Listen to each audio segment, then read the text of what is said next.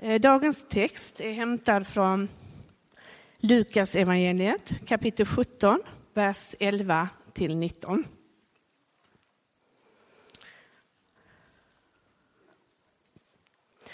Under sin vandring mot Jerusalem följde han gränsen mellan Samarien och Galileen. När han var på väg in i en by kom tio spetälska emot honom. De stannade på avstånd och ropade Jesus, Mästare, förbarma dig över oss. Då sade han till dem, gå och visa upp er för prästerna. Och medan de var på väg dit blev de rena. En av dem vände tillbaka när han såg att han hade blivit frisk. Med hög röst prisade han Gud och kastade sig till marken vid Jesu fötter och tackade honom. Han var samarier. Jesus frågade, blev inte alla tio rena? Var är de nio andra? Är det bara den här främlingen som har vänt tillbaka för att ge Gud ära? Och han sade till mannen, stig upp och gå, din tro har hjälpt dig.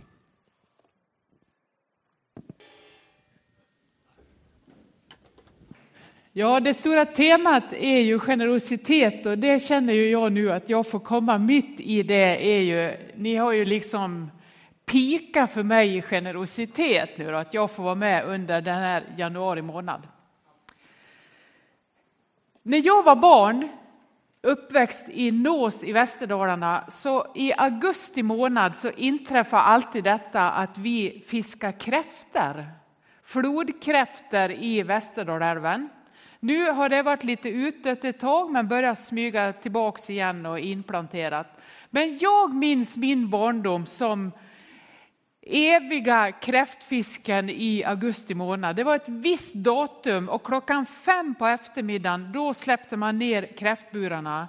Hela sommaren innan så fiskade vi mört och löja, la i frysen bredvid torsken. Det gällde att skilja det åt när man skulle laga middag. För mörten och löjan det var till de här burarna. Då. Så åkte vi ut och precis det datumet, vi åkte ungefär klockan fyra, så hade vi ett speciellt område i, vid den här Västerdalälven som tillhörde liksom oss inmutat. Inte liksom att vi ägde det, men det var bara så att vissa områden hade vissa familjer. Och vi var två familjer då som hade en ganska lång bit av den här älvstranden där vi skulle lägga ner våra burar. Och så kom vi dit vid fyra och det förunderliga var ju att jag minns att vi gick ganska långt med en massa packning och fotogenlampor och burar och matsäck och korv och allt vad det var. Och dagen efter vaknade man i sängen hemma. Det var väldigt konstigt bara det. Jag gick och slet dit och så plötsligt dagen efter, hur kom, hur kom jag hem? Jag hade ingen aning. Vi var där ungefär till midnatt har jag fått veta och sen tog man sig då tydligen hem. När man gick ut första gången med, med de här burarna, det var inte det roligaste, men det mest fantastiska var första vittningen. Då fick vi dra lott barn om vilka som skulle få åka med i ekan, för alla fick inte plats då. För då var det ju dags att dra upp de första kräftorna och då såg man på linan hur den skakade så här och då visste man, detta är min bur. Och alla höll andan liksom och så räknade och så tävlade vi barn om vem som fick flest kräftor i de där burarna och så fick vi inte säga det för högt. För det ekade då så folk hörde hur mycket kräftor vi fick. Då sa alltid föräldrarna, shh, shh, tyst, bara plocka. Och det var ju urspännande. Så en gång så minns jag, jag satt bakom min pappa, det var han som rodde ut i den där vitsningen.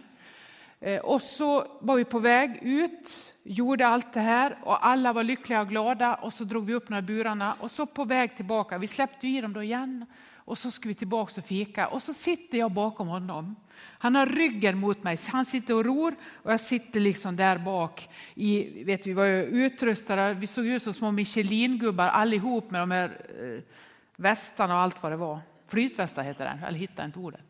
Så ser jag plötsligt på på, i botten av ekan, det är ungefär en halv decimeter med vatten där, så ser jag någonting som blänker till. Och så tänker jag, vad är det? Och så upptäcker jag, det är min pappas plånbok. Alltså den har ramlat ur hans bakficka när han satt och rodde. Och då gick jag igenom en existentiell kris. För då kände jag, nu är vi utfattiga. Nu är hela livets glädje borta. Hans plånbok ligger på botten av ekan. Allt är förstört, vi har inga pengar. Vi har ingenting att leva av, vi får sälja huset. Vi får lämna allting.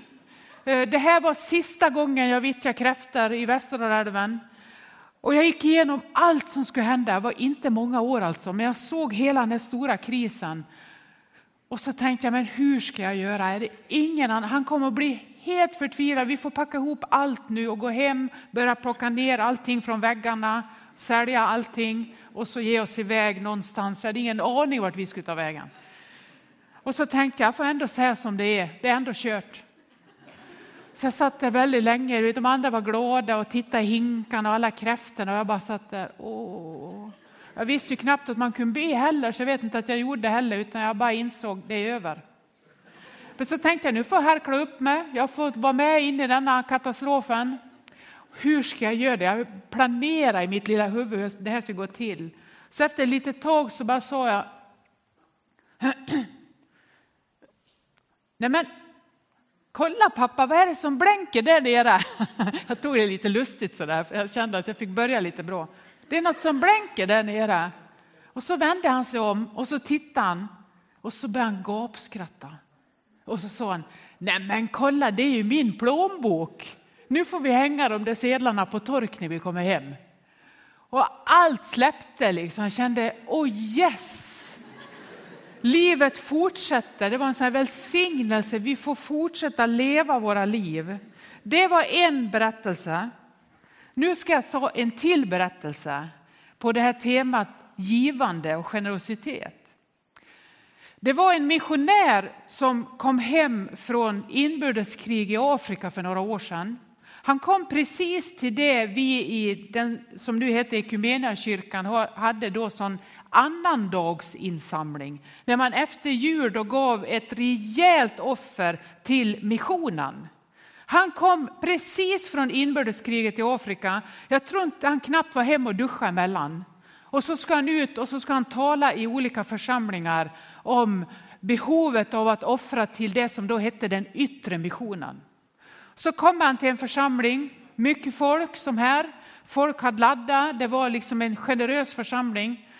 Och så hände detta som inte egentligen får hända. Han la över det vi i psykologin skulle kalla för projektion.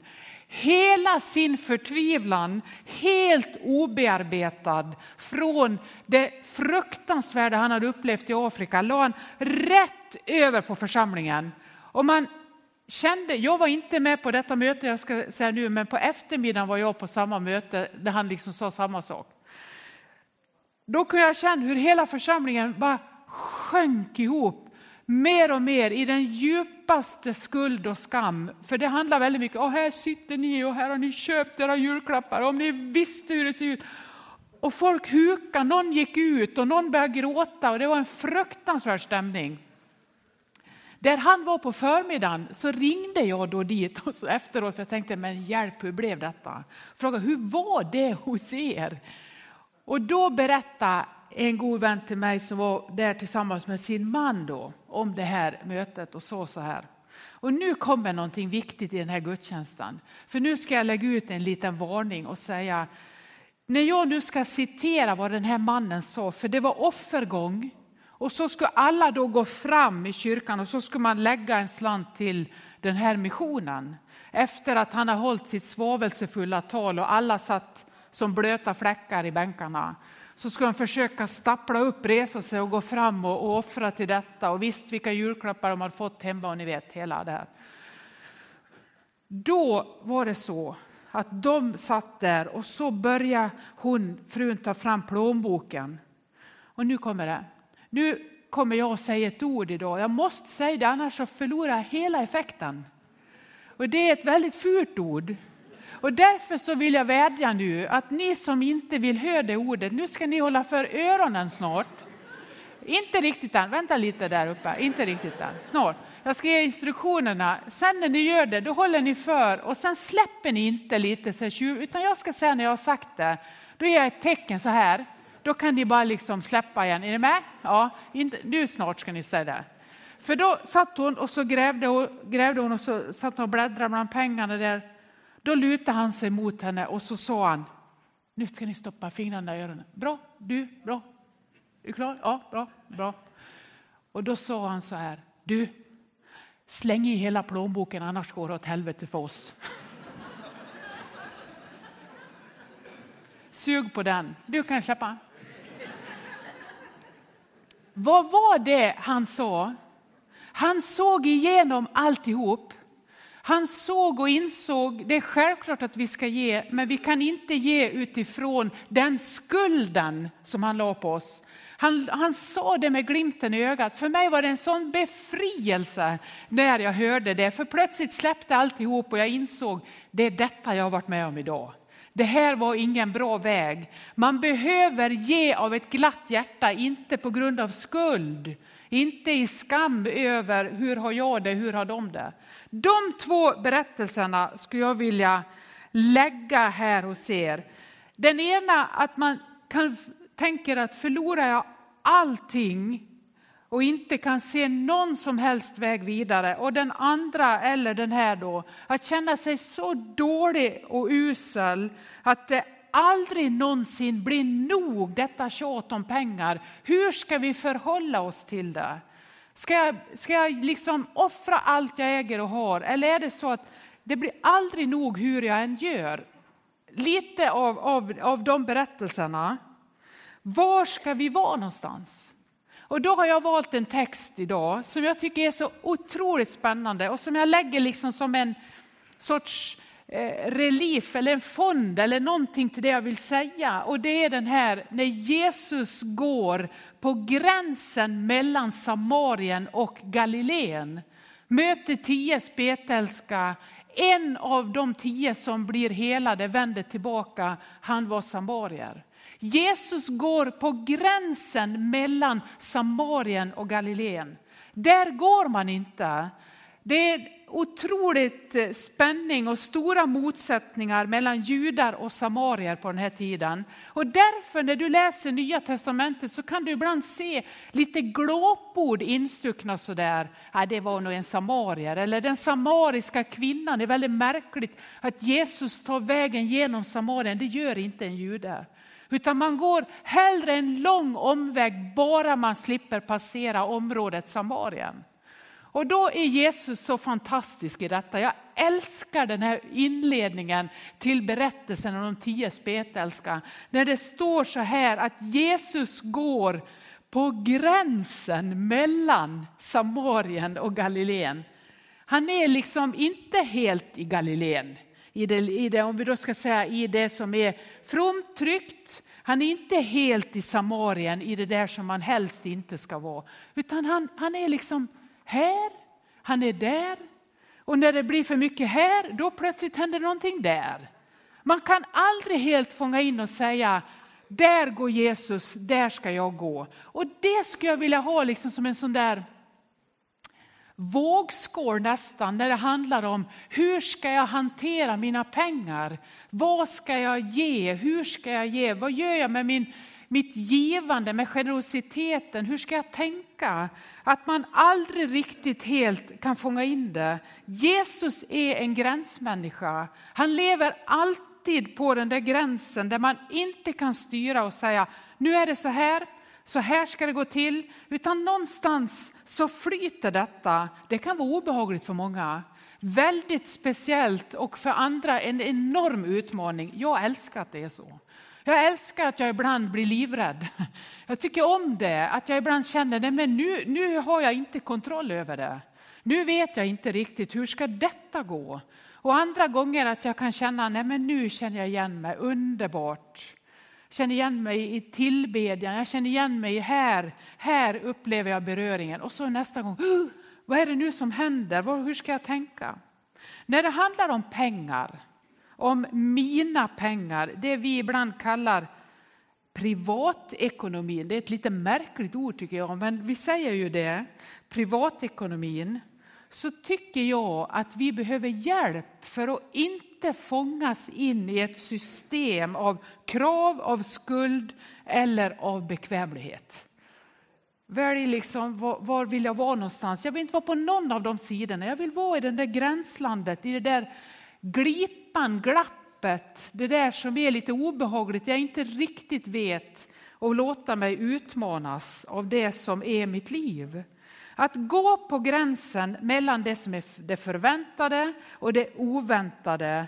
Det kan också handla om att man öppnar upp sitt liv så till den milda grad att Jesus kan få välsigna den jag är och det jag gör. Och jag kanske blir Samarien som är den enda som återvänder för jag känner igen Guds verk i mitt liv, precis som vi hörde i vittnesbördet. Jag känner plötsligt igen att när jag vågade oväntade, som förmodligen en ekonom skulle ha sagt, du är inte klok. Tror du på Skatteverket? Du ska ju tro på Gud. Ja, men det är det oväntade. Hur verkar Guds ande i min vardag? Och så våga lita på det och se att det är så att när jag vänder tillbaks, tackar för att jag får leva i världen men inte av den. Våga tro på den där öppningen ut mot ett annat landskap så blir jag kanske Samarien. Den enda som vänder tillbaka och säger tack för lärjungaskapet. Tack att jag får gå med dig i detta vansinniga projekt som ingen ekonom välsignar men som du välsignar. För du vet vad jag behöver och vad som jag allra bäst behöver för att bli fri. För frihet är en eftersmak av att gå Guds väg. Inte att jag blir ekonomiskt oberoende, utan jag blir fri inuti. Jag förenklar, jag befrias, jag lever av det som Gud ger och det ger mig en större inre frihet. Och det är någonting i det som är så fascinerande. Att avslöja det ekonomiska systemet det tror jag handlar om min kallelse som Jesu lärjunge. Att inte fångas utav det utan också se vad gör det med mig? Det gör mig friare. Jag har tagit med mig en bok idag som jag skulle vilja tipsa om. Kanske inte alla vill, vill läsa den, så är det på gränsen. Eh, den här boken heter Lyckliga i alla sina dagar. Den är skriven av en kulturjournalist, litteraturvetare som heter Nina Björk. Feminist. Tror jag skulle våga säga att hon drar åt vänster. Kan jag det? Tack.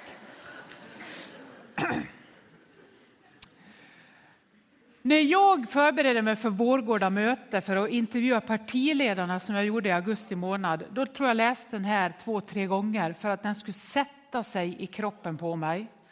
Det är en bok som handlar om pengars och människors värde. En journalist på Dagens Nyheter säger, jag vill ge lyckliga i alla sina dagar till hela Sverige.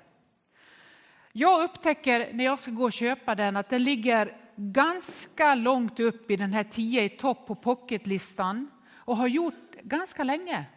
Och finns på de flesta bokhandlar, så gott som alla. Och väldigt många har läst den här boken. Bara det gör att jag känner den här måste jag läsa. För väldigt många svenskar vill veta vad, vad säger hon om ekonomi och det, om det, det konsumtion, om det systemet. Och jag kan tänka, när jag läser en sån här bok och försöker se vad säger hon när hon kommer från det hållet som kanske är lite annorlunda håll. Om, om du har kvar bilden utan att, och, vad betydelsen av den, att hon kommer kanske från Samarien eller kommer hon från Galileen. Vad är det jag vill lyssna på? Ja, men jag vill bara höra vad Bill Hybels säger om enkelhet. Den är ju superbra. Ja. Så läs den också, du som vill vara i Galileen. Men nu är jag idag i Samarien och då säger jag, du kan läsa den här också. Läs Bill Hybels på kvällen när du ska sova gott och den här på morgonen när du vill bita tag i någonting innan du ger dig iväg och tänker jag är med i denna världen och jag vill veta vad som driver, vad är drivkrafterna? Då kan man läsa den här. Får jag citera lite ur den? Ja, det får jag ju för att jag har ju ordet nu. Så är det ju. Jag är, jag är på G nu känner jag. Ja. Bara för att ni ska få en smak så säger hon till exempel så här. Så här löd en dialog mellan en journalist och den dåvarande representanten för världens mäktigaste politiska ämbete, Amerikas president Dwight Eisenhower, på en presskonferens i slutet på 50-talet. Då presidenten tillfrågades vad folk skulle göra för att rädda de vikande ekonomiska konjunkturerna. Svar köpa. Fråga vad då? Svar vad som helst. Och så här svarar en senare representant för samma ämbete, George W. Bush, den 19 december 2006. Amerikanerna bör rädda den krisande ekonomin genom att gå ut och shoppa. Så här sa Floridas dåvarande guvernör Jeb Bush efter att två flygplan hade kört in i World Trade Center i New York den 11 september 2001. Vi måste reagera snabbt så att människor återfår förtröstan och ser det som sin patriotiska plikt att gå ut och shoppa. Att äta ute på restauranger, att åka på kryssning, att resa iväg med sin familj. Och en av våra svenska röda Göran Greider. Konsumtion är helt enkelt en av de viktigaste sätten genom vilka vi uppfyller våra medborgerliga plikter. En vara har två kännetecken, det är sista jag citerar nu då. Den är resultatet av mänskligt arbete och den är skapad i syfte att generera vinst. Alltså detta är ju inte alls fel, det är ju, det är ju sant. Men hur ser vi igenom det? Vem är jag mitt i de drivkrafterna? Hur hanterar jag att detta är den verklighet och den värld som jag är en del av så länge jag lever här? Och samtidigt så är jag Jesu lärjunge. Galileen var där ja.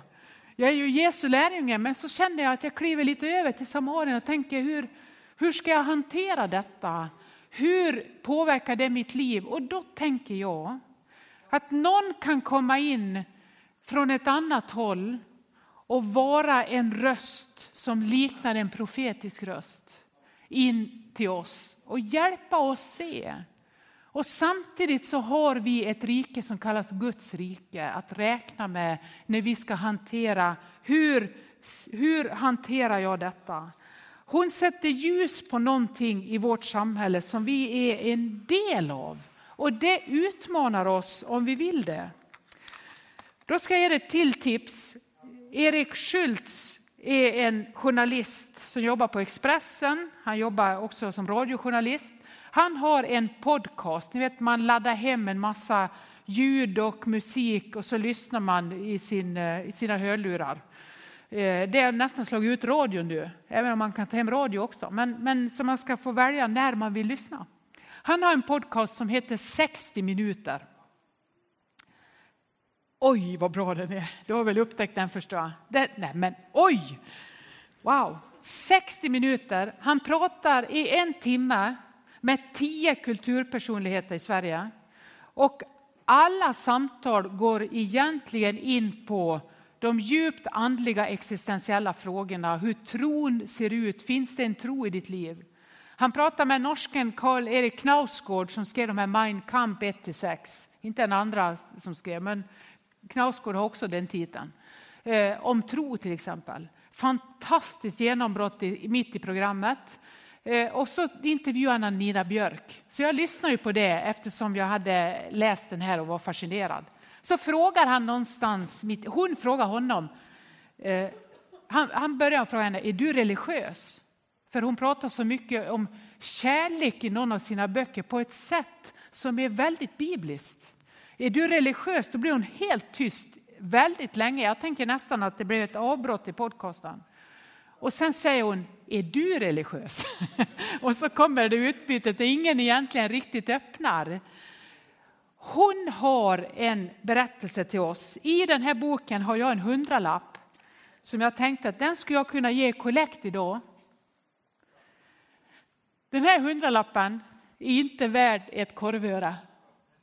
Den är inte värd någonting, men den ser väldigt bra ut och för er på läktaren så ser den säkert superbra ut. Det är en tråd i den också. Så jag skulle kunna säga att den här skulle jag kunna ha, ha använt många gånger och ibland har jag varit lite frestad. Nu är jag i Samarien. Ibland har jag varit lite frestad och tänkt eh, jag har inga pengar, inga kontanter, jag kan ta den hundralappen för den har vandrat så länge tills den kom. Någon köpte en bok av mig och la dit den. Ni vet hur det är, den är falsk. Det som saknas på den här är den här silver, the silver line. Det är ett silverband här, vilket gör att nu mer är den inte värd någonting. Men den ser ut som den är värd mycket. Jag tänker, la den i Nina Björks bok, för jag tänker så här, det är mycket som ser väldigt bra ut och som vi är en del av för vi tillhör det här samhället. Men ibland behöver vi såna här knivskarpa knivar i lådan som kan avslöja en del av det system som du och jag är en del av. För att pröva mitt eget sätt, min egen ekonomi, mitt sätt att konsumera. Är jag grundlurad? Gode Gud, hjälp mig då att försiktigt eller radikalt kliva ur det. Hur påverkad är jag av den värld jag lever mitt i? Det är ju så här, nu ska jag gå in för landning. Vi är ju alla gäster och främlingar på denna jord. Allt är ett lån. Allt ska en gång försvinna för oss. Per Lagerkvist har skrivit allt är mitt och allt ska tas ifrån mig. Inom kort ska allting tas ifrån mig. Träden, marken där jag går. Allt är givet människan som lån. Min första existentiella kris i ekan har ju egentligen en sanning i sig. En dag är det kört. Då är det över. Då har jag inget mer. Också det som var missionärens stora ångest och uppdrag var ju också helt sant. Han kom ju från ett lidande som var helt omänskligt. Och det märkliga är att på gränsen går Jesus alltid vidare fri. Vill du gå med i den friheten så skulle jag vilja säga då ska du gå på gränsen mellan Galileen och Samarien. Be om att få vara en gränsmänniska som alltid låter dig utmanas av de system vi står mitt i, som inte låter dem knäcka dig, utan hela tiden öppna för en annan värld och det är Guds rikes ekvation. Nu ber vi tillsammans. Herre, tack för exemplen som vi har fått i vittnesbördet idag. Att man kan våga lita på dig i den privata ekonomin. Att den egentligen inte är så privat. Det är din kalkylator. Tack Herre att du ser hur våra liv ser ut och vad det är som vi målas in i för hörn med vår ekonomi och med vår konsumtion. Hjälp oss att se var vi upplever och smakar bundenhet och var vi upplever detta i frihet. För jag tillhör dig och jag tillhör ditt rike. Kom helige Ande, välsigna oss med den glädjen som är att ha ett generöst, öppet och modigt liv. Tack att du är här. Amen.